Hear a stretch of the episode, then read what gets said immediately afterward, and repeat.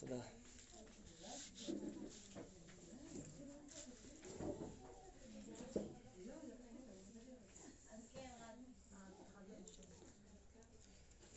טוב, אז בואו אה, נתחיל בבקשה. זה שיעור קבוע שלנו, אבל אמרנו שנייחד אותו היום אה, בעזרת השם לעילוי נשמת הרב אלישע ורבי שמואל, שזה בכ"ה בטבת, בשבת,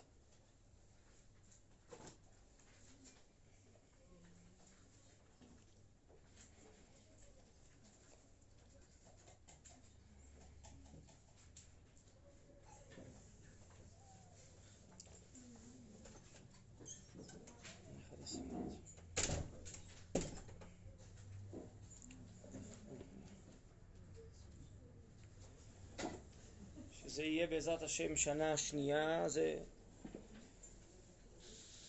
ככה בהשגחת השם, אה, לצערנו הרב זה שנה שנייה כבר אה, מאז שהוא נפטר, והגמרא אומרת, אה, הזכרתי את זה, שאחד אומרים חבורה שמת, תדע כל החבורה כולה, והרב קוק מסביר, תדאג להשלים.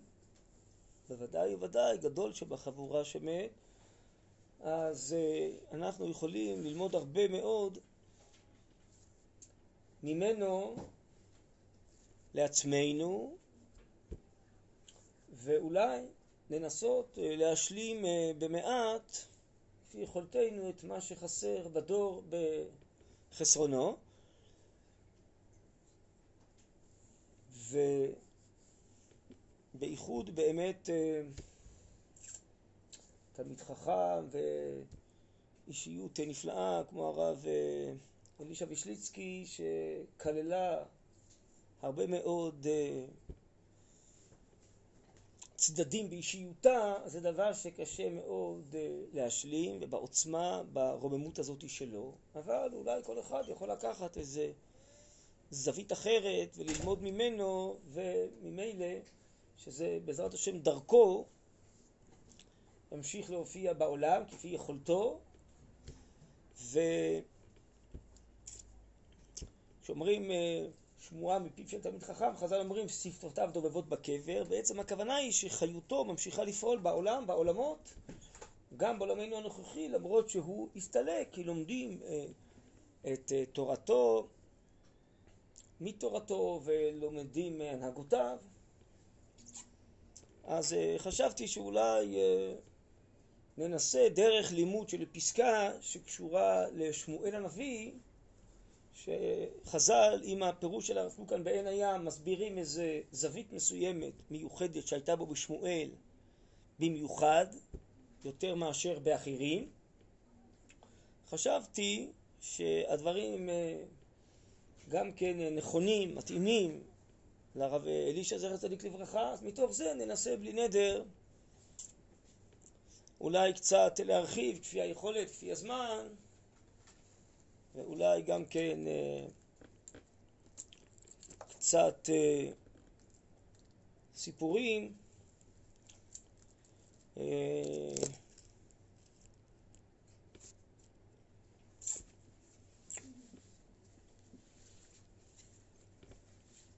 טוב, אז uh, כאן זה מופיע במסכת שבת דף uh, נ"ה, נ"ו, זה כבר דף נ"ו, זה מופיע כאן בעין היה בשבת חלק ב', בפרק חמישי, סעיף נ"ו. אני אקרא רגע אחד את לשון הגמרא. אמר רבי יהושע בן נחמני אמר רבי יונתן כל האומר בני שמואל חטאו אינו אלא טועה שנאמר ויהי כאשר זקן שמואל ולא הלכו בניו בדרכיו. אז הוא מדייק בדרכיו הוא דלא הלכו. מיכתא נמי לא חטאו. לא כתוב שהם חטאו ופשעו. כתוב שהם לא הלכו בדרכיו.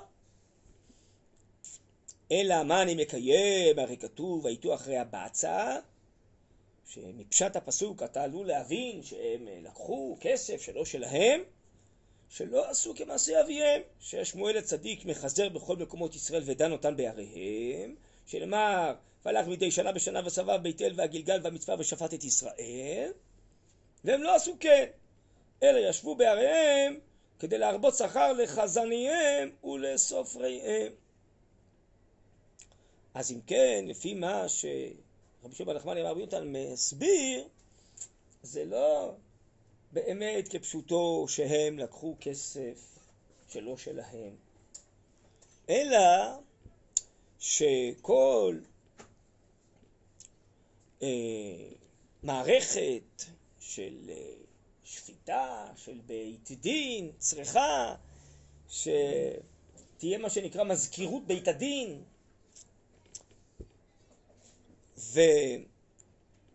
ואנשים שמזמנים אנשים, שולחים מכתבים, בכל מיני צורות, מטלפנים, ומזכיר או מזכירה וכן הלאה, נכון? כמו כל מערכת היא מקובלת רגילה גם היום במערכות אחרות. נכון? זה לא אה, דבר אה, מיוחד. טוב, לאנשים האלה זה עבודה שלהם, צריך לשלם להם, נכון? אז הם גבו כסף לעבודת הפקידות שהייתה סביבם כדי שיוכלו לדון את ישראל. זה נקרא שהם לא עשו כמעשה אביהם. למה? כי אביהם היה בעצמו מסתובב בכל ארץ ישראל, ותשובתו הרמתה כי שם ביתו, חז"ל אמרו שכל מקום הלך שביתו עמו, והוא לא חיכה שיבואו אליו לירושלים, אלא סבב את ישראל ושפט אותם, וגם לא חמור אחד מהם נסעתי וכולי, כן, הוא נסע אה, רכב על החמור שלו, ו... ולא קיבל אה, כסף כדי להיעזר במערכת שלמה. אז למדרגת אביהם הם לא הגיעו והם לא הלכו בדרכיו, והם כן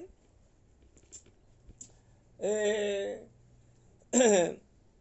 נשארו בירושלים ונעזרו במערכת כזאת של אה, פקידים וגבו כסף לשלם לאותם פקידים. אז מה שאצלנו רגיל, למדרגת אביהם, שמואל זה נחשב לחטא, שהם לא הלכו בדרכיו ולא היו במדרגתו.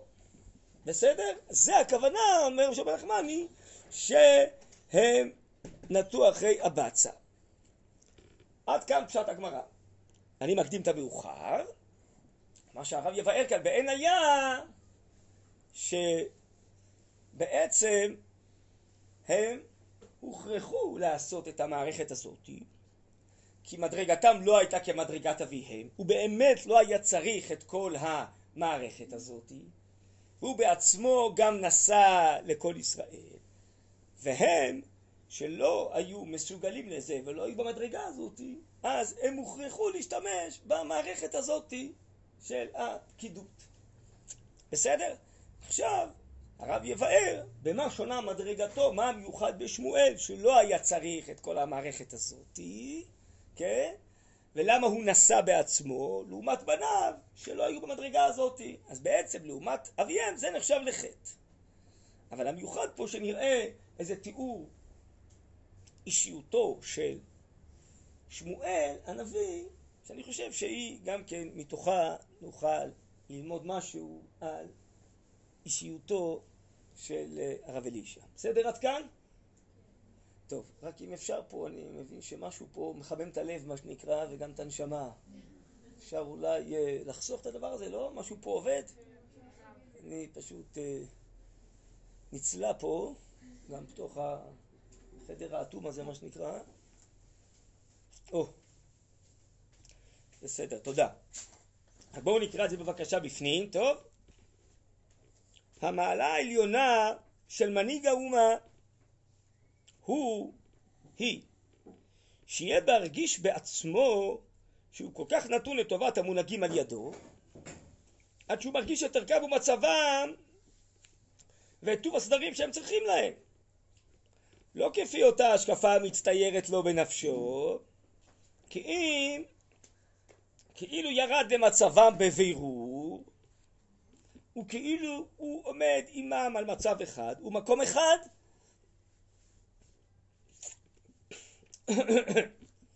כלומר יכול להיות מנהיג שיש לו מדרגה בפני עצמו גדולה ועליונה מאוד וקשה לו ממילא לחוש אנשים אחרים שנמצאים במדרגות אחרות. כי באמת המחשבות שלו, מה שמטריד אותו, ההרגשות שלו, השאיפות שלו הם במקום אחר לגמרי. הרבה יותר נעלה ונשגב מרוב המון בית ישראל. אבל מעלתו של שמואל הייתה מאוד גבוהה מצד עצמה. אבל מעבר לזה הייתה לו גם יכולת לחוש את כל בית ישראל ואנשים, נשים וטף למדרגות שונות ולחוש כל אחד למדרגתו בעצם מה מפריע לו, מה מטריד אותו, איזה מילה טובה צריך להגיד לו, איך אפשר לקדם אותו הלאה, איך אפשר לעזור לו. אני קורא את זה שוב במילים של הרב קוק, בסדר? המעלה העליונה של מנהיג האומה היא שיהיה מרגיש בעצמו שהוא כל כך נתון לטובת המונהגים על ידו. עד שהוא מרגיש את ערכם ומצבם, את אלה שמונהגים על ידו, ואת טוב הסדרים שהם צריכים להם, מה מתאים לכל אחד, איך יקדם אותו, סדר כזה, סדר אחר, צריך לדרוש ממנו יותר, לדרוש ממנו פחות. לא כפי אותה השקפה מצטיירת לו בנפשו, לא ממה שהוא תובע מנפשו איך לעלות ולהתקדם. כי אם כאילו ירד למצבם בבירור, כאילו ירד, הכוונה היא, כן, שלמרות שהוא נשאר בגובה שלו, אבל הוא מסוגל לחוש מה שחשים אנשים, אנשים שחוטאים ונכשלים, אנשים שיש להם דוחק כלכלי, אנשים שיש להם בעיות במשפחה, כל מיני דברים שאין למנהיג עצמו. אבל יש לו נפש כזאת כוללת, כזאת עמוקה וחודרת, שהוא מסוגל לחוש הרבה מאוד אנשים, ולא רק את האומה בכללה, אלא הרבה נפשות של אנשים בפרטיות, ולחוש בעצם מה יועיל לכל אחד, איפה הוא נמצא, איך אפשר לקדם אותו, איזה מילה טובה הוא צריך לשמוע עכשיו כדי שהוא יתעודד. עוד פעם, לא כפי אותה השקפה המצטיירת לו בנפשו, כי אם כאילו ירד למצבם בבירור, בצורה מאוד בהירה, הוא כאילו עומד עמם, כאילו, כי הוא לא באמת שם, אבל יש לו יכולת כזאת, יכולת של הקשבה, יכולת של שמיעה, על מצב אחד ומקום אחד, כאילו אני נמצא איתכם במדרגתכם, יש לי את אותן בעיות שיש לכם, ואני יכול להקשיב ולשמוע ולהבין בדיוק מה עובר עליכם. ממש כזה היה הרב אלישע. קודם כל הייתה יכולת של הקשבה, מופלאה. לא לנסות מיד להגיד את מה שהוא חושב, אלא לשמוע את אחרים. ואם זה אחרים, זה יכול להיות... אה, תודה רבה. בסדר. ואם זה אחרים, זה יכול להיות הרבה אה, תלמידים, סתם אנשים שיש להם איזה בעיה, או באים להתייעץ איתו, היו הרבה מאוד אנשים מגיעים להתייעץ איתו. אני הכרתי אותו כשהגעתי לשיעורה לי בישיבת מרכז הרב, הוא היה אז כבר אה, אברך בשיעור ח', אבל כבר מגיל צעיר אנשים התחילו להתייעץ איתו והרגישו שיש לו איזה כוח שמיעה וחוכמה ועצה טובה שיכול לייעץ לאחרים. וכשאנחנו הגענו לישיבת מרכז הרב, אז אמרו, טוב, הגעת יפה, מצוין, זה לא כמו במדרשת יעלה, שמארגנים לך חברותות ושיעורים וזה, וקיצור, וקפה חברותה, ושיחות אישיות וזה, יש לך סטנדר, יש לך גמרא, עכשיו תלמד. אתה לא מרוצה, תלך. הרב אהוד זכרותו לברכה היה קורא לזה כשהגענו, יש פה, הוא אמר, הר של קרח יש פה. פה זה הכל תורה שכלית, רוחנית, מי שיכול להתאפס לזה מצוין, מי שלא ילך, לא חייבים להישאר פה, אנחנו נגד כפייה דתית, אפשר ללכת. בסדר? אז ככה זה היה, אבל הוא הבין, הרב אלישע שהדורות משתנים, וזה לא עובד היום כמו שפעם, וכולנו מגיעים, חבר'ה מפונקים מהבתים, וצריך שמישהו ידבר איתנו ויקשיב, ויש בעיות, ולא הכל הולך כמו שצריך, וזה. אז הוא התחיל לעשות עונגי שבת לשיעור א'. נדמה לי שאנחנו כבר היינו אולי השיעור השני שהוא עשה לו את זה, נדמה לי שעוד היו לפנינו, אבל זה היה ממש בשנים הראשונות של ההתחלה. עונגי שבת האלה היו מתחילים אצלו בדירה בקריית משה, לא זוכר, ב-11 בלילה, אחרי סעודת שבת, היו נמשכים עד, לא יודע, 2, 3, 4 בלילה, לא יודע בדיוק איזה שעה היינו משחררים אותו, בסדר? היו בחורים צעירים, לא מבינים, וזה, שהוא צריך גם לשאול קצת, וזה, בקיצור. טוב, ככה זה היה. וגם כשהיינו יורדים, אז הוא היה מזהיר אותנו באלף אזהרות, שאף אחד לא מדבר כשיורדים במדרגות, כי הוא היה גר קרוב לקדוש ברוך הוא בקומה הכי עליונה.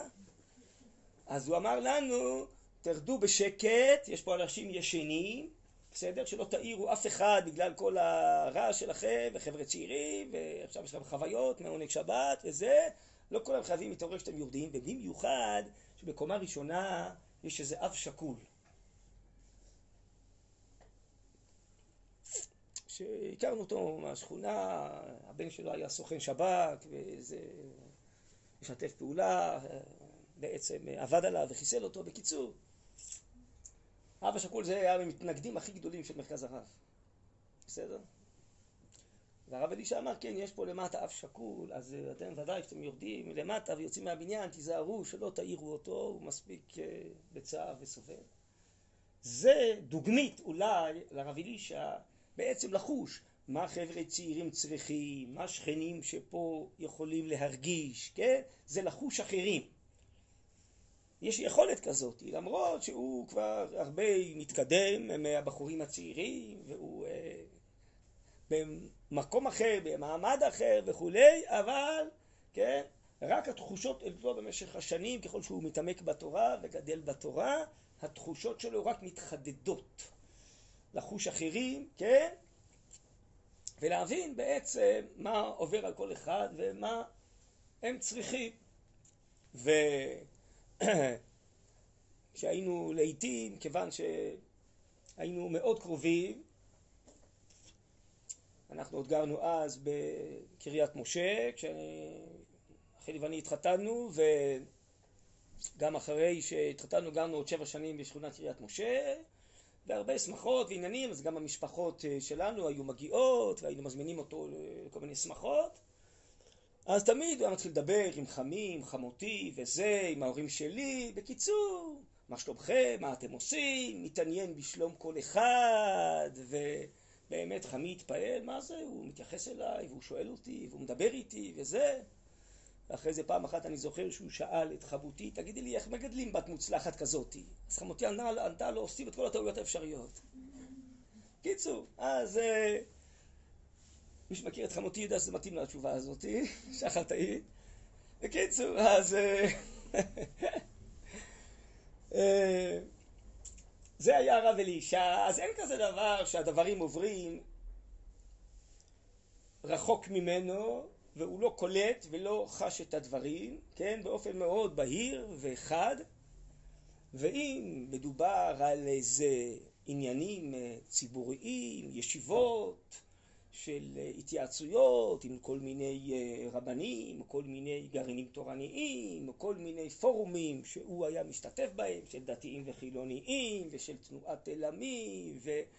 וכולי, אז כולם כולם מדברים, תמיד הרב אלישע שותק, הוא קודם כל מקשיב.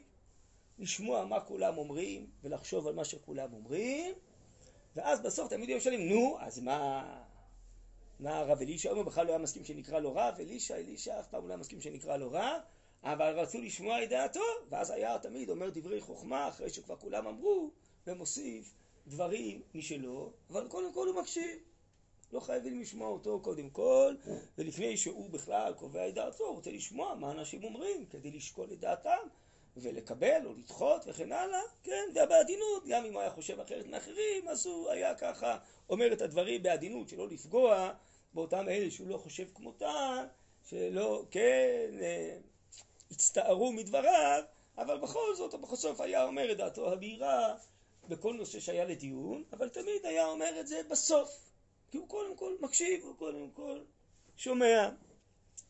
אז זה מין יכולת כזאתי, יכולת אה, מיוחדת, לחוש אנשים מרחוק. ואולי אה, אני אזכיר עוד משהו שקשור אלינו למשפחת דביר וקשור אליי. אה, לא יודע, בטח שמעתם, אבל אולי נדבר על זה אולי ככה, או בסביבות עוד חודש, יותר באריכות. לנו יש בן בן חמש וחצי שנפטר מחיידק טורף, משה יהודה שמו, לא יודע, יש תמונה בבית שלו, אז מי שהספיקה לראות, מי שלא, אז שומעת את זה עכשיו. וזה היה כבר לפני 23 אה, שנה. כל שנה אנחנו היינו עושים בירושלים יום עיון ביום של הפטירה שלו, י"ח שבט, אולי השנה נעשה את זה בזום סביב זה, אז נעדכן אתכם בלי נדר, הייתי מזמין את הבנות לזה, וכל מיני רבנים, והרב אלישע בראשם היו מעבירים שיעורים בענייני חינוך ומידות. אבל כשאנחנו באותו שבוע היה לנו שהוא היה בבית חולים וזה, בין חיים למוות, אז בערב אחד באמצע השבוע רבי אלישע מתקשר אליי, תגיד לי מה המצב, שמעתי שהבן שלך חולה וזה, מה המצב, תעדכן אותי, אז אני אומר לו כך וכך וכך וכך. הוא אומר לי, טוב, אני חוזר עכשיו מתפילה בכותל המערבי שעשיתי לרפואתו, כינסתי כל מיני אנשים ועשיתי תפילה ואם אפשר בהמשך השבוע תעדכן אותי אה, זה, מה קורה, מה ההתפתחויות וזה לא ידעתי, לא שמעתי, לא ביקשתי שום דבר, אבל הוא שמע והוא כבר עשה כמה צעדים קדימה והוא ארגן תפילה וזה, והוא מתקשר אליי. ואחרי זה הוא הגיע כמובן, לצערנו הרב, אחרי הפטירה, לשבעה ולסוף השבעה העביר שיעור בישיבה וכולי וכולי וכל השנים שהיינו עושים לאחר מכן מפגשים משפחתיים בהתחלה מצומצם אז הוא היה בא להעביר שיעור למשפחה שלנו ולאחר מכן כשהפכנו את זה ליום עיון ציבורי לפני לא יודע כמה 12-13 שנה במכון מאיר אז הוא היה תמיד בין האלה שבאופן קבוע מעבירים שיעורים. אספר לכם אולי כבר איזה קוריוז על זה אם אני מספר את זה ש... הוא היה מעביר קבוע כל שנה, ושנה אחת החלטתי להתחכם, ואמרתי, די, נו, נגוון קצת, נזמין מישהו אחר במקום הרב אלישע, שישמעו פעם מישהו אחר. חיים, ברוך אתה אדוני אלוהינו מלך העולם, שהכל נהיה בדברו. טוב, אז את מי הזמנתי? הזמנתי את הרב חנני אתרוג, בסדר? מישיבת שווה חברון, ו... זה, לרוב היינו עושים איזה ארבעה שיעורים, בערך כל שעה, שעה ורבע שיעור אחר, עם איזה הפסקה באמצע וכולי. אז אם כן, שעה לפני השיעור של הרב חנני, התקשר אליי הרב חנני, תשמע, אני פה באמצע הכביש בדרך, עם כל המשפחה, היה לנו פה תאונה, מה שנקרא טוטולוס, אתה יודע איך קוראים לזה? כל הרכב הלך, כולנו בריאים ושלמים, ואנחנו נוסעים לבית חולים להיבדק, לשיעור, אני ודאי לא מגיע. טוב, אז אני עומד שעה לפני השיעור, ויש פה איזה ציבור גדול, 200-300 איש בבית המדרש הישן של מכון מאיר, אני לא יכול להגיע לפוסט, חכו פה שעה עד המרצה הבא. צריך למצוא מהר איזה פתרון. טוב, אז עם מי אני מתקשר? מתקשר לרב אלישע. לרב אלישע. אני מתקשר, רב אלישע עונה, אני שואל אותו, תגיד לי, איפה אתה? הוא אומר לי, הרגע חזרתי מנסיעה, אה, הייתי באזור הצפון, הרגע חזרתי לירושלים. מה אתה צריך? אמרתי לו, אני צריך שיעור. מצוין, אין בעיה, מתי? עוד שעה. עוד שעה מעולה, צלם לי את המקורות א', ב', ג', ד', ה', אני מגיע. זהו, זה הרב אלישע. הנני.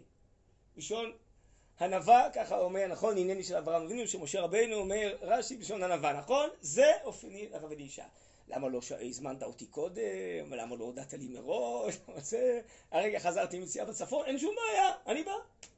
כך היה, הוא בא, העביר שיעור, כן? הוא אמר, הרב החשוב לא יכל להגיע, אז ממילא אני ממלא מקומו, אני יושב במקום אחר של הרב החשוב, ואני אביא לכם שיעור במקומו, כי הוא לא יכל להגיע. בסדר? זה הרב אלישע. אם כבר אני מספר קוריוס כזה על הרב החשוב, אני אספר לכם עוד קוריוס. אתם בכלל אוהבות סיפורים או לא?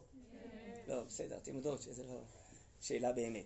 טוב, אז אם כן, אה, אני עומד איתו באיזה חופה, לא זוכר של מי, אבל אה, שנינו הגענו לאותה חתונה, לאותה חופה, אני עומד לידו, ואתם יודעות, יש מישהו עם מיקרופון, נכון, הוא המנחה וזה, מזמין את האנשים, אה, את העדים, בקריאת הכתובה, וברכות וזה וזה וזה, ועכשיו אה, הוא אומר, עוד לפני, אני יודע מה, בין הקידושים לבין השבע ברכות או משהו כזה, אני רוצה להזמין לפה לכמה דברי תורה, לכבוד החתן והכלה, שהם ביקשו את הרב, מזכה הרבים, וזה, אני רואה את הרב אלי שעומד לידי, טס! לכיוון הזה של החופה, אני לא הבנתי מה בדיוק הוא עומד לעשות, אבל הוא חוטף את המיקרופון לאיש הזה, ואומר לו, ואומר לכולם, תשמעו, הרב החשוב עוד מעט יגיע, עד שהוא יגיע, אני אחמם את האווירה, אני אגיד לכם כמה דברים במקומו, בסדר? והוא מתחיל להגיד דברי תורה, בסדר? אז זה הרב אלישע, בסדר? כזה הוא היה. לא סבל שידברו עליו ושיגידו עליו וכל מיני שבחים וכל מיני זה, הוא רוצה להועיל, בסדר? מה שאפשר לעשות לטובת הציבור, לטובת עם ישראל וארץ ישראל ולטובת אנשים יחידים, מה שאפשר לעשות, הוא עושה. דוגמית לדבר, מיד אחרי שהוא נפטר, באותו שבוע, מתקשר אליי בבכי מישהו מקיבוץ עלומים. שואל אותי, תגיד לי, אתה יכול לבוא, להעביר שיעור לעילוי נשמת הרב אלישע? השבוע בדיוק היה אותו שבוע, או שבוע אחרי, לא יודע, אולי זה היה עוד בשבעה, אני חושב. אמרתי לו, אה, כן, אתה רוצה שאני אעביר שיעור לרב אלישע? אני אה, אשמח וזה, אבל מה הקשר שלך לרב אלישע? קיבוץ עלומים, זה לא רחוק מפה, אה, יחסית, זה רק איזה שעה וחצי נסיעה, לא יודע, משהו כזה, אבל זה נסיעה יותר ארוכה מירושלים לקיבוץ עלומים, אפשר רב אלישע גר. אז הוא אומר לי, תשמע, אני לצערי הרב, יש לי, גם כן, יש לי איזה בן שנפטר לפני איזה עשר שנים, ואני והרב אלישע היינו חברים מהמדרשייה, למדנו ביחד, הרב אלישע למד במדרשייה, מדרשיית נועם, מי ששמע פעם על המדרשייה, על הרב יוגל, צריך לצאת לברכה, וזה היה מושג במדרשייה, אחת הישיבות התיכוניות הראשונות, הוותיקות, אז שם הרב אלישע גם כן למד, והוא זה, ומאז שהבן שלי נפטר, אז הרב אלישע מגיע לפה כל שנה להעביר שיעור לעילוי שפת הבן שלי, והיה פה הכנסת ספר תורה, הוא הגיע, ועוד זה הוא הגיע, הוא אמר לי לפחות בעשר שנים האחרונות הרב אלישע היה בקיבוץ עלומים פה לפחות עשר פעמים. טוב, הוא היה גם בעוד כמה מקומות לפחות עשר פעמים. גם בשדרות, וגם בבית שאן, וגם במעלות, וגם במצפה רמון, וגם באילת, כן? אבל יש איזו יכולת מיוחדת כזאת, כפי שתכף נראה פה, על שמואל, שהוא מסבב את הארץ, והוא לא מחכה שיבואו אליו, והוא חש את האנשים, והוא מבין שאנשים רוצים שיגיעו אליהם, והוא מבין את הסגנון המיוחד של כל מקום, ואיך צריך לדבר בכל מקום, ואיך צריך לחזק בכל מקום, אז הוא נוסע כל הזמן, והרב אלישע בעשרים שנה האחרונות כל הזמן נסע. לפני זה הוא היה בירושלים יותר, העביר שיעורים וזה, בעשרים שנה האחרונות בערך, הוא כל הזמן חרש את הארץ לאורכה ולרוחבה, כן? באופן מדהים. ולפעמים היינו מבקשים ממנו שיבוא לפה להעביר איזה שיעור, היה פה איזה צורך, משהו וזה, אז הוא אומר לי, רגע, רגע, נעשה חשבון, אני בבוקר נמצא ב, בעצם, אה, אני צריך להיות בבית שאן, ואחרי זה, בצהריים אני צריך להיות באשקלון, ובערב אני צריך להיות בצפון. בואו נעשה רגע חשבון אם אני יכול להגיע אליכם, ואז לנסוע צפונה ולהספיק או לא. בקיצור, זה פחות או יותר החשבונות שהוא מחשבן, וככה כמעט כל יום נראה אצלו. לפחות חמישה ימים בשבוע, ככה הימים שלו נראים בעשרים שנה האחרונות. זה היה, איזו יכולת מדהימה. כן? שאין לה, אני חושב, אח ורע, וככה זה התנהל אצלו. והמון מלא שיעורים בכל מקום שהוא מגיע, לגדולים ולקטנים, כי הוא חש את כולם, והוא באמת מועיל, מקדם משהו בכל מקום, כל אחד מה שהוא יכול. טוב, אז בואו נמשיך רגע לקרוא בפנים. זאת התכונה העדינה. זה איזושהי עדינות כזאת, שמי שיש לו נפש עדינה יכול לחוש אחרים, שהיא מתגברת בשופט צדיק, תמשיכהו להיות הוא יורד אל העם, נוסע ומסבב למקומות מושבותיהם. אבל זה לא רק טכנית מעשית, שגם זה צריך הרבה מאוד כוח, כן? והרבה מאוד מרץ, אלא הוא ממילא גם כן מנמיך את רוחו. רוחו זה הכרתו, זה הרגשתו, זה הבנתו. למצבם פנימה רחוק מאוד מערכו. הם שקועים בכל מיני בעיות פרטיות, כל מיני בעיות אולי שטותיות, כל מיני בעיות שהם לא עוסקים בעניינים הגדולים, החשובים שברומו של עולם. כן, אבל הוא מנמיך את עצמו, את רוחו למדרגתם, מבין בדיוק באיזה סבך הם נמצאים, ואיך אפשר לעזור להם להתקדם כלפי מעלה. ממילא גם כן מנמיך את רוחו למצבם פנימה רחוק מאוד מערכו, ועל ידי זה יעלה אותם וינטלם. וישפוט אותם משפט צדק והדרכת אמונה. אז זה לא רק כפשוטו לשפוט, הכוונה היא להגיד זה צודק, זה חייב וזה זכאי וכולי, אלא זה בעצם להביא להם את הצדק, את האור, את האמת, את הטוב, את האידיאלים. לכן הרב אומר, הדרכת אמונה, להדריך אותם איך לשאוף לטוב, איך לרצות לטוב, איך להיות ישרים וצדיקים וכן הלאה, כן? זה עמל, זה עבודה, שמי שאוהב את הבריות הוא מקרבן לתורה, ככה רבנו רב ציודה היה אומר, אוהב את הבריות הוא מקרבן לתורה. מתוך שאוהב אותם, אז מנסה לראות איך מקרבים אותם לתורה, כי התורה זה הדבר הכי טוב שיכול להיות לבריות, אבל כל אחד נמצא במקום אחר, במעלה אחרת, צריך לקרב אותו לתורה, ממדרגה אחרת, מזווית אחרת, כן? ממשיך הרב כאן, שופט קדוש עליון כזה, כן? אתם שמות לב, הרב קוק אומר, זה אדם קדוש. אדם שהוא כולו דבוק בטוב האלוקי, בצדק האלוקי, במגמה האלוקית, זה אדם קדוש. יש חושבים שאדם קדוש זה דווקא מי שפרוש מהבריות, מי שמסתגף, מי שמתנתק מן העולם, אבל הרב קוק בהרבה הרבה הרבה הרבה מאוד מקומות אומר שזה לא המושג קדושה. יש משהו שמכין לקדושה, זה הפרישות לפעמים. אבל בסוף הקדושה זה להיות בתוככי החיים, בתוך החברה, בתוך החיים הגשמיים, אבל כל הזמן להיות דבוק בהשם, בטוב, באהבת חסד, באמת, בתורה, באידיאלים, במידות הטובות, כן? זה נקרא קדושה. כי קדושה זה בעצם התייחדות עם המטרה. מאיפה לומדים את זה? לומדים את זה, כך אומר התוספות, על הגמרא, מזה שהחתן אומר לכלה, הרי את מקודשת לי כדת משה וישראל. מקודשת לי, מזומנת לי, מיוחדת לי. קדשו צום, תראו הצהרה. זמנו את עצמכם, אומר רש"י, אומר רש"י, ליום צום, ליום התעלות רוחנית. אז קדושה זה להתרכז, זה להתייחד עם איזו מגמה, כן? זה לדעת מה הייעוד האלוהי של כל דבר. אז אדם כזה שחי את המגמה האלוקית של כל דבר, ומבין איך אפשר לעזור לכל אחד להתקרב להשם, ואיך אפשר לעסוק גם בענייני ציבור, ולקרב את הציבור ואת העם ישראל להשם. זה אדם קדוש. אז אומר הרב, שופט קדוש עליון כזה, תדריכהו עוז עוצמתו הפנימית. אז שמואל יש לו איזה עוצמה, איזה הוויה פנימית, ואנשים נדבקים בו, נקשרים אליו. הוא לא צריך לשכנע אנשים לבוא לבית הדין, לא צריך לאיים עליהם, שאם הם לא יבואו, אז כך וכך וכך. אנשים נמשכים אחריו כמו מגנט, כי הם אוהבים אותו, כי הם מעריצים אותו, הם מעריכים אותו, אז הם באים אליו. לא צריך למשוך אותם. זו מדרגת שמואל, זה מה שהתכוונה הגמרא, שזה לא היה מדרגת בניו, הם לא במדרגה הזאת, מה הם יכולים לעשות? אין להם את החדירה הזאת ללבבות, אין כלפיהם את ההערצה הזאת, אין להם את הרוממות הזאת, אז הם צריכים פקידות שתעזור להם להביא את האנשים, ולתדרך אותם, ולסדר אותם.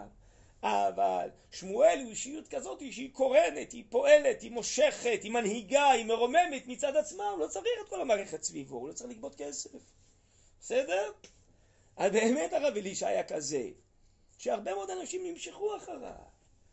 וראו בו עוגן, והתייעצו איתו, וסמכו עליו, ורצו לשמוע את דבריו, והתחזקו ממנו בכל מיני שיחות וכן הלאה.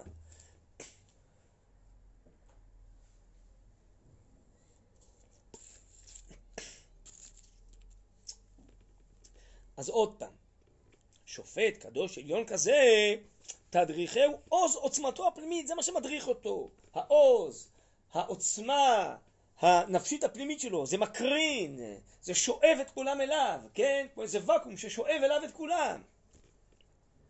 ובלא שום שמירת משטר חיצוני, בדייקנות והטלת אימה של סדרים נימוסיים, התקיים דבר משפטו וסדר פעולותיו. אז כשהוא שפט את האנשים, כולם האמינו בו וסמכו עליו וקיימו את מה שהוא אומר ובאו אליו למשפט, היה ברור שהוא שופט אמת ושופט צדק והוא רוצה רק את טובת כולם כן, וכולם רצו לשמוע את עצתו, את דינו, את משפטו, את הדרכתו. זאת מדרגת שמואל, כן, ואני חושב שניצוץ של הדבר הזה, של האופי הזה והיכולת הזאת, הופיע ברב אלישע, מין דבר כזה, שלא רק שהוא לומד תורה ויודע בתורה, מבין את התורה, הוא גם מבין את האנשים, הוא חי אותם, הוא חש אותם, והם אוהבים אותו ומעריצים אותו ונמשכים אליו, זה איזו יכולת פלאית מיוחדת שאין לכל אחד. אז כמובן זו יכולת כזאת שאולי אה, השם נטע בו, אבל אם הוא לא היה עובד ועובד קשה מאוד, אז זה לא היה מתפתח אצלו. גם שמואל עבד, מגיל צעיר הוא כבר היה בבית השם, וגם הרב אלישע עבד, אני יכול להעיד עליו. כמה הוא למד בהתמדה, כמה כל דבר הוא היה מחשבן בשכל ומנסה לעכל ולהבין ושואל שאלות ומתבונן וחושב בהעמקה על כל דבר. כמה הוא היה עובד על מידותיו. לעתים הוא אמר אה, לנו שקשה לו לפעמים לשתוק, כן, ולא להגיד את מה שהוא חושב, כי הוא רוצה לשמוע את אחרים וכן הלאה. זה, יש נטייה טבעית לאדם לדבר, להסביר, במקום להקשיב ולשמוע. אז זה לא בא לו בקלות, מאליו. זה היה עבודה גדולה אצלו על כל נושא וכל תכונה וכל מידה. כן, ככה זה עבד אצלו. אז הוא עבד מאוד מאוד קשה. והוא המשיך לעבוד על עצמו גם כשהוא התחיל ללמד ולנסוע בארץ. זה אדם של עמל, עמל אדם של עבודה, זה ראית את זה עליו כל הזמן. כל הזמן הוא מנסה להתקדם ולהשתפר ולהזדקף ולעלות כל החיים. כל החיים. ולחדש חידושים והבנות ולנסות לעזור לאחרים בכל מיני צורות.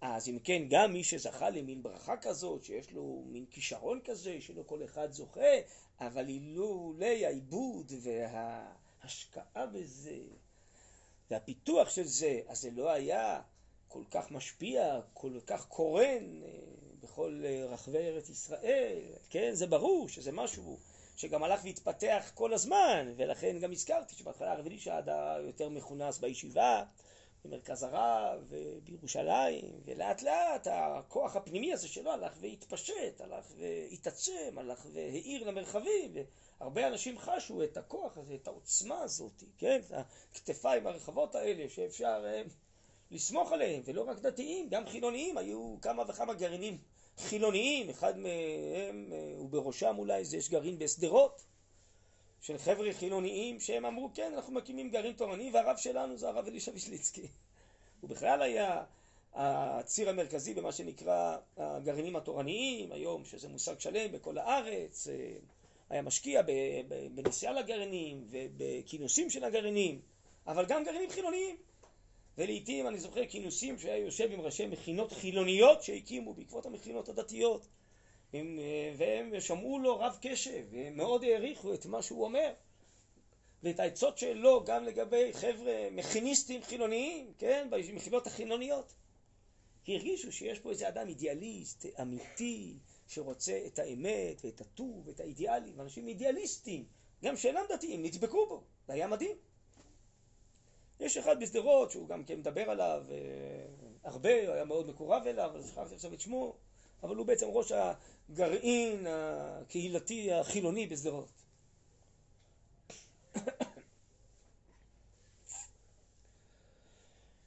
בואו ננסה רגע אחד אה, להמשיך כאן בפסקה.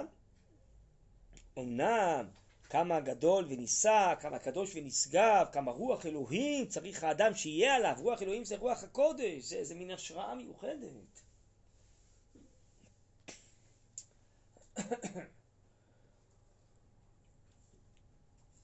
מין סייעתא דשמיא מיוחדת, שעל אדם קדוש כזה ואלוהי כזה שרוצה את טובת הדור, אז יש עליו את זה.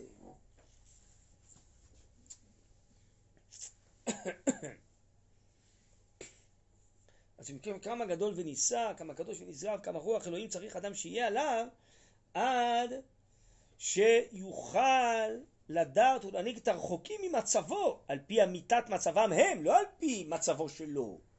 זה צריך איזה מין כן, הערה כזאת מיוחדת של רוח הקודש, שגם מרחוק אתה יכול לקלוט את הנפש של אחרים ולהדריך אותם על פי מה שמתאים להם, לא על פי המדרגה שלך, מה שמתאים לך.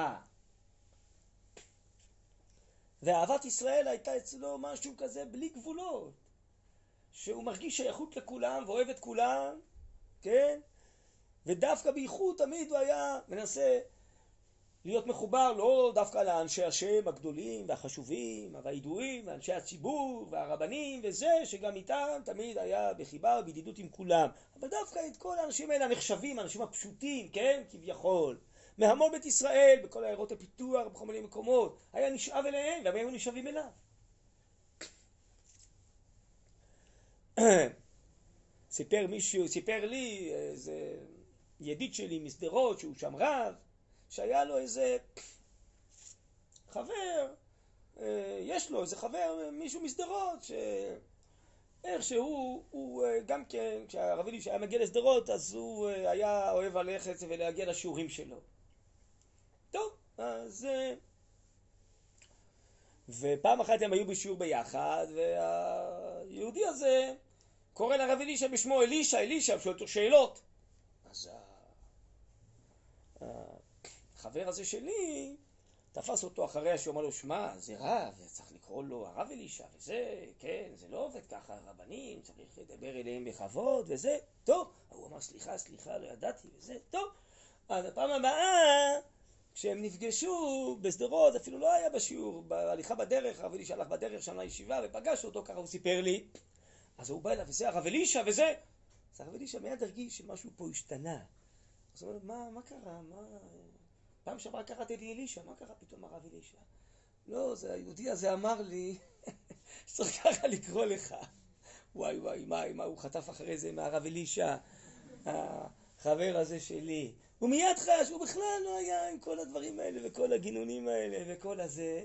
וזה מה שהוא רצה לשמוע, וזה מה שאנשים, ואז כשהוא, פתאום זה השתנה, כן? אז זה אהבת ישראל פורצת גבולות כזאת, שקשה לתאר אותה. סיפר מישהו שבאמת לפני המבצעים בעזה, גם הרב אלישע היה מתגייס כדי להעביר שיחות לכל החיילים, דתיים, חילונים וזה, אז הוא סיפר, אני לא זוכר לפני איזה מבצע, שהרב אלישע העביר כל מיני שיחות, והוא אה, נהג בשביל הרב אלישע, והרב אלישע אמר לו, תשמע, אמרו לי שיש איזה גדוד במקום אה, מאוד מרוחק, שאף אחד לא מגיע לשם, בוא ניסע לשם, גם הם מגיע להם לקבל איזה שיחה ואיזה משהו וזה, בוא נפגוש גם אותם. טוב, הוא אומר, נסענו, נסענו, הגענו עד הקצה שם של שטחי הכינות, באמת היה שם איזה גדוד של חבר'ה כאלה, נראים כאלה מילואימניקים, מבוגרים, משועממים, עייפים וזה, ככה כולם ישנים בכל מיני צורות, על הכלים וזה, ו... לפניהם מישהו כנראה הוא היה כאילו השומר, הש"ג, לא יודע מה, כאילו זה, ואז הוא רואה שמתקרב איזה רכב ויושבים בתוכו שניים, גם הנהג הוא בעצם הרב, שהוא הסיע את הרב אלישע וזה, אז כשהם מתקרבים, אז ההוא צועק להם עוד לפני שבכלל הם יורדים מהרכב, אז הוא צועק להם אנחנו לא צריכים פה רבנים, אה, יש פה מספיק רבנים, אנחנו לא צריכים פה שיחות של רבנים. ככה הוא. הבחורצ'יק הזה, זה קבלת פנים כזאתי, כן? הוא צועק, אנחנו לא צריכים פה שיחות של רבנים. טוב, אבל איש מיד פותח את הדלת ומתחיל לרוץ אליו. הוא היה בשוק, מה? מה הוא עומד לעשות פה עכשיו? מה יהיה פה בכל האירוע הזה? אז הרב אלישע, מי שגם אה, שמע את הסיפור הזה על לחיצת היד של הרב אלישע, אבל שהיה לוחץ לך את היד בשבתות וזה, היית צריך לעמוד יצוק על הריסה בשביל לא לעוף. הוא היה אדם חזק מאוד בגופו, בנפשו הרב אלישע. כשהוא היה לוחץ את היד, אתה היית כולך מתנענע ומאבד את שיווי המשקל. אז ההוא, הרב אלישע, רץ אליו, תופס אותו בשתי ידיים, את הבחורצ'יק הזה, מנענע אותו ככה, אומר לו, אחי! לא באנו בכלל אה, להביא לכם שיחה, באנו להתחזק מכם, באנו לשמוע מה קורה לכם, תגידו משהו טוב בשבילנו, תחזקו אותנו. ההוא היה בשוק החיים שלו, החייל הזה, להתקפה כזאת של אה, מישהו בדמות רב, הוא לא ציפה, הוא מיד נמס, ואז אה, התחילו לדבר, וזה, אחרי זה הרב אלישע העביר שם שיחה מצוינת לכל החיילים, אז זה הרב אלישע. זה, הוא לא מתפעל מכל הדברים האלה, ואהבת ישראל אצלו בוערת, אז הוא תופש את האיש הזה, והוא אה, אומר, בוא נהיה ביחד, לא אכפת לי מכל הזה, כן שיחות, לא שיחות, באנו להיות איתך ביחד, וזה, ולשמוע, תגיד משהו. זה מאוד אופייני, הסיפור הזה לרב אלישע. אז ממילא זה גם פה מה שאנחנו רואים בסוגיה שלנו, ששמואל היה במדרגה עליונה ונשגבה, בניו לא במדרגה שלו, אז אי אפשר לדרוש מהם לעשות כפי שהוא עשה, כי מי שמדרגה שלו לא, הוא מעצמו, הוא מבעיר את השטח, ומעצמו הוא קורן, ומעצמו הוא מושך, והכל אה, הוא עושה בעצם אה, בזרימה הנפשית, הרוחנית, הפנימית שלו, אבל מי שלא כזה, הוא זקוק לתמיכה מבחוץ, כן? אז גם הרב אלישע היה כזה, שהוא היה מזרים כוחות לאנשים, ואנשים זרמו אליו, וזה היה דבר טבעי, כן? מה שלא כל כך מצוי אצל אנשים אחרים. בואו נסיים רגע פה בקריאה את הפסקה הזאתי. זאתי המעלה שנתברך בה שמואל הנביא. על כן הייתה רוחו גם כן מנשאהו, לסבב את מקומות ישראל ועריהם הם. כיוון שהוא רצה להכיר את האנשים ולחוש אותם ולהיות איתם, אז הוא סובב את ישראל, את כל ארץ ישראל. לרדת הוא עליהם ומשם להגביהם למעלה. ולא להשפיע עליהם ממרום מצבו איפה שהוא יושב בירושלים וכן הלאה. בניו שלא עמדו על זאת המעלה ולא יתרוממו לה. המה במקומם ומעלתם אמנם שפטו את העם בצדק כפי השגתם. מה שהם הצליחו להבין את העם ומה משפט הצדק שצריך לשפוט את העם. אבל זה הצדק אי אפשר שיהיה החלטי. ועל כן הוא צריך סיוע של משטר לתומכו סיעת חזנים וסופרים, מקבלי שכר ושומרי משטר, אין זה אמנם אותו המובן של החטא הרגיל, אבל אין זה מדרכיו של בחיר השם, שמואל הצדיק. אז אם כן, זה לא כפשוטו שהם חטאו ולקחו כסף אה, בגזילה, אלא שהם באמת היו זקוקים למערכת שלמה שתגבה אותם. אבל מי שאישיותו היא מזרימה כאלה חיים וכזה עושר של צדק ורוממות ומושך את כולם, אז ממילא הוא לא זקוק לכל המערכה הזאתי שסביבו. אז לכן למדתי פה עכשיו איתכם את הפסקה הזאתי, אני חושב שזה מאוד אה, אופייני מה שנאמר פה על אה, רוממות הנפש של אה, שמואל הנביא, שמשהו, כן, ניצוץ של הדבר הזה הופיע בנפשו הגדולה של הרב אלישע, שבאמת גם כן היה מין אישיות סוחפת כזאתי. ואנשים חשו את זה ולכן אה, כל כך אהבו אותו והעריצו אותו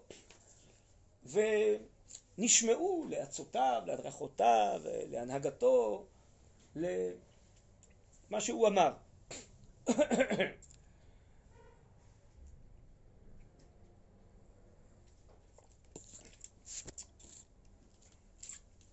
ובאמת הוא אה, הספיק, אה, ברוך השם, מתוך אהבתו הגדולה, אז להעביר המון שיעורים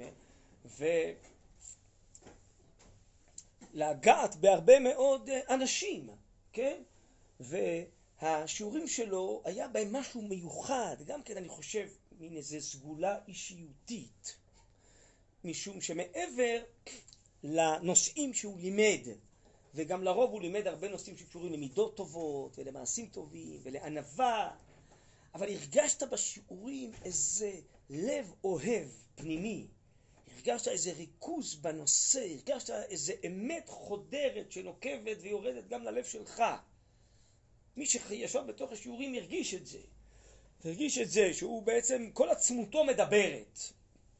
כל אישיותו, כן, אומרת את זה, לא מן הפה ולחוץ. אלא הוא חי את מה שהוא אומר, הוא מיישם את מה שהוא אומר.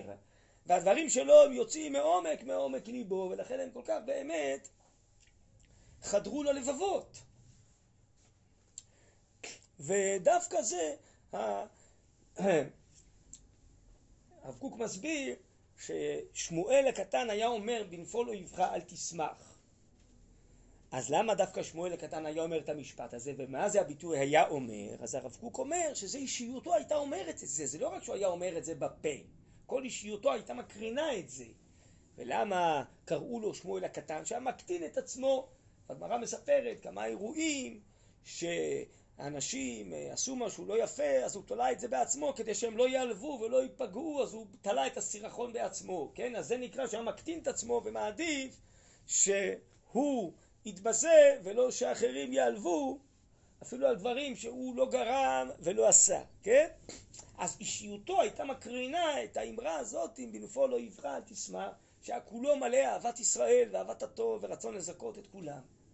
אני חושב שנכונים הדברים גם לרב אלישע שהיה כזה מקטין את עצמו ובאמת ברח מן הכבוד ואנשים הרגישו את זה שזה אמיתי, כן? ולכן כל כך הריצו אותו. אני יכול לספר לכם עוד איזה סיפור, שאומנם בשנה שעברה עשינו את זה בזום, לא יודע מה יהיה השנה, אבל לפני איזה עשר שנים התחלנו ימי עיון בתנ"ך בגבעת שמואל, ברוך השם זה ממש הולך טוב, ששלושה ימים לומדים תנ"ך, גברים ונשים, יש שני מתחמים שם בגבעת שמואל, זה תמיד יוצא בתשעת הימים. יש שם מי שמכירה במכינה בגבעת שמואל, ובבית ספר עמית בר אילן מול זה. בספר עמית בר אילן זה גברים, ובמכינה בגבעת שמואל זה נשים, וממש כבר איזה עשר שנים, כל שנה מגיעים לשלושה ימים, מתשע בבוקר עד אה, שש בערב, שיעורים ברצף של רבנים,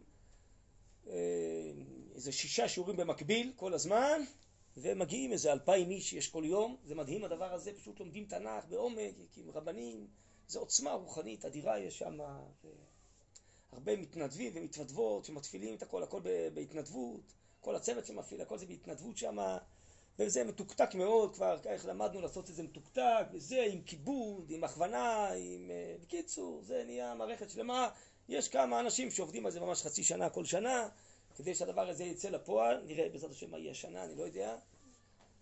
אבל, אז הרב אלישע היה מגיע כל שנה, כל שנה להעביר שיעור, אה, שניים, שלושה שיעורים וזה, אפילו ממש בשנה האחרונה בחייו הוא הגיע, המונית לקחה אותו ממש עד האולם וזה, הוא כבר אה, בקושי הצליח ל... אה, ללכת, לצאת מהמונית, בקושי הצליח לעלות על הבמה, והוא לא ויתר, שאלנו אותו, אתה רוצה לוותר מראש? לא, לא, לא, אני רוצה לבוא, אני רוצה ללמד וזה. ישב, לימד, ושר גם איזה שיר שם עם כולם, וזה, בקיצור, במסירות נפש גמורה הגיע לשיעורים האלה, אבל כמה שנים קודם, ברוך השם, כשהוא עוד היה בריא ובשיא כוחותיו, אז אה, לפי הרישום של אנשים היינו קובעים את האולמות, כל אחד באיזה אולם, והאולם הכי גדול של בית המדרש למעלה, מי שמכירה במכינה בגבעת שמואל, לא משנה, יש איזה אולם של איזה 500, 600 מקומות, לא יודע, משהו, אולם ענק, ענק.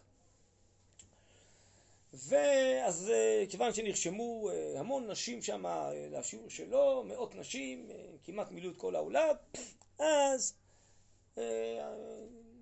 הרב אלישע עלה כדי ללמד שמה, ולעולם הזה יש שתי כניסות, כניסה אחת מאחורף שהמרצה יוצא, וכניסה אחת מקדימה, לא משנה, בקיצור,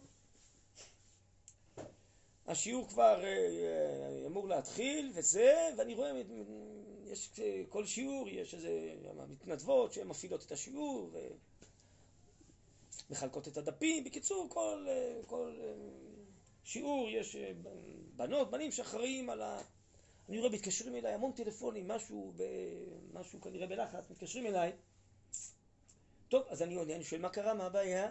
אומרים לי, תראו, הרב אלישע התיישב שם בין השורות של אנשים, מוריד את המיקרופון למטה, כרגיל יש במה גבוהה שכולם רואים, ואנשים מתלוננות שהן יושבות בסוף, הן לא רואות אותו ולא שומעות אותו, ולנו לא נעים להגיד לו מה, מה, מה לעשות, וזה, מה, פה, הרב הגדול יושב ומדבר, מה אנחנו בנות צעירות, אנחנו נגיד לו מה לעשות וזה, אבל uh, הוא לקח את המיקרופון, הוא, את הכיסא, הוריד את הכל למטה, והוא יושב uh, בין השורות שם של אנשים, ואלה שבשורות הראשונות רואות, אלה שבסוף. בקיצור, אני הבנתי שפה זה לא ילך, אם אני לא אבוא לשם, וזה שהרב אלישע יישאר שם כל השיעור, ונשים מאחורה מתעצבנות, מתלוננות, הן לא רואות, הן לא שומעות, בשביל מה הם נכנסו לשיעור? קיצור, אז אני מגיע מהצד השני, אני רץ את כל, ה... כל העולם מקדימה, אני ניגש לרב אלישע, אומר לו, רב אלישע, אני מתנצל. פה אני קובע, לא אתה. אני מבקש לעלות למעלה, להרים את הכיסא, יש נשים מאחורה שהן לא שומעות ולא רואות, וזה לא דרך ארץ, זה לא בסדר, אנחנו התחייבנו לשיעורים האלה, אני ממש מבקש ממך לעלות למעלה, שלא כמנהגך, לשבת למעלה, ושכולם יראו אותך וישמעו אותך, טוב, נו, אז אה, הרב אלישע אומר, אני מתנצל, הרב קובי ביקש, אני יודע, מסרבים לקטן, לא מסרבים לגדול כביכול, וזה, בקיצור, אני עולה למעלה, וככה זה נגמר, אבל הבנתי שאם בדרך אחרת העסק הזה בעצם אה, לא ייגמר. אותו דבר היה גם כן פה, זה, אני מאוד מקווה שזה יהיה השנה, אני באמת כבר לא יודע שום דבר, אבל אה, אנחנו כל שנה עושים פה בזין אדר. שזה לידת ופטירת משה רבינו, אנחנו עושים, כל הקהילה, כל הבית ספר, כל הבנים של בית הספר, עושים סיום מסכתות. משנה, גמרא, ולא רק כל הבנים, גם כל הבוגרים וההורים שלהם, ואנחנו מזמינים סבים וסבתות לשבת שלמה פה. בקיצור, יש פה עסק שלם סביב זה. שנה שעברה, זה היה עוד לפני הקורונה ממש, אז זה עוד היה. לא יודע מה יהיה השנה, באמת לא יודע כלום. זה, אנחנו, אבל פה כבר המקומות שלנו לא מספיקים, אנחנו עושים את זה, יש אולם גדול, לתיכון החילוני למטה, יש אולם גדול, מפעל הפיס כזה, אולם ענק עם... בקיצור, אה, אז שם אנחנו עושים את זה כבר כמה וכמה שנים טובות. והרב אלישע יש לו פה גם כן, יש לו פה אה, שני ילדים היום שגרים, לא יודע אם אתם יודעות, יש לו פה נכדים, בקיצור, אז אה, הוא היה מגיע, גם כן, זה, תמיד עשינו את זה ביום שישי לפני שבת, שיוכלו להגיע גם סבים וסבתות, להישאר לשבת וזה, בקיצור, הוא מגיע, ביקשנו לדבר, אז יש במה למעלה שכולם עולים, שם מדברים, כל הילדים עומדים על הבמה, אומרים את הסיומים, קיצור זה ממש, דרך אגב כל שנה הזמנות נשארו לשבת הזאת, תיאמנו את השבתות, כי להיות, לראות את המעמד הזה, זה מעמד מרגש, מאלף אני חושב הדבר הזה, מאוד מרשים, מאוד עוצמתי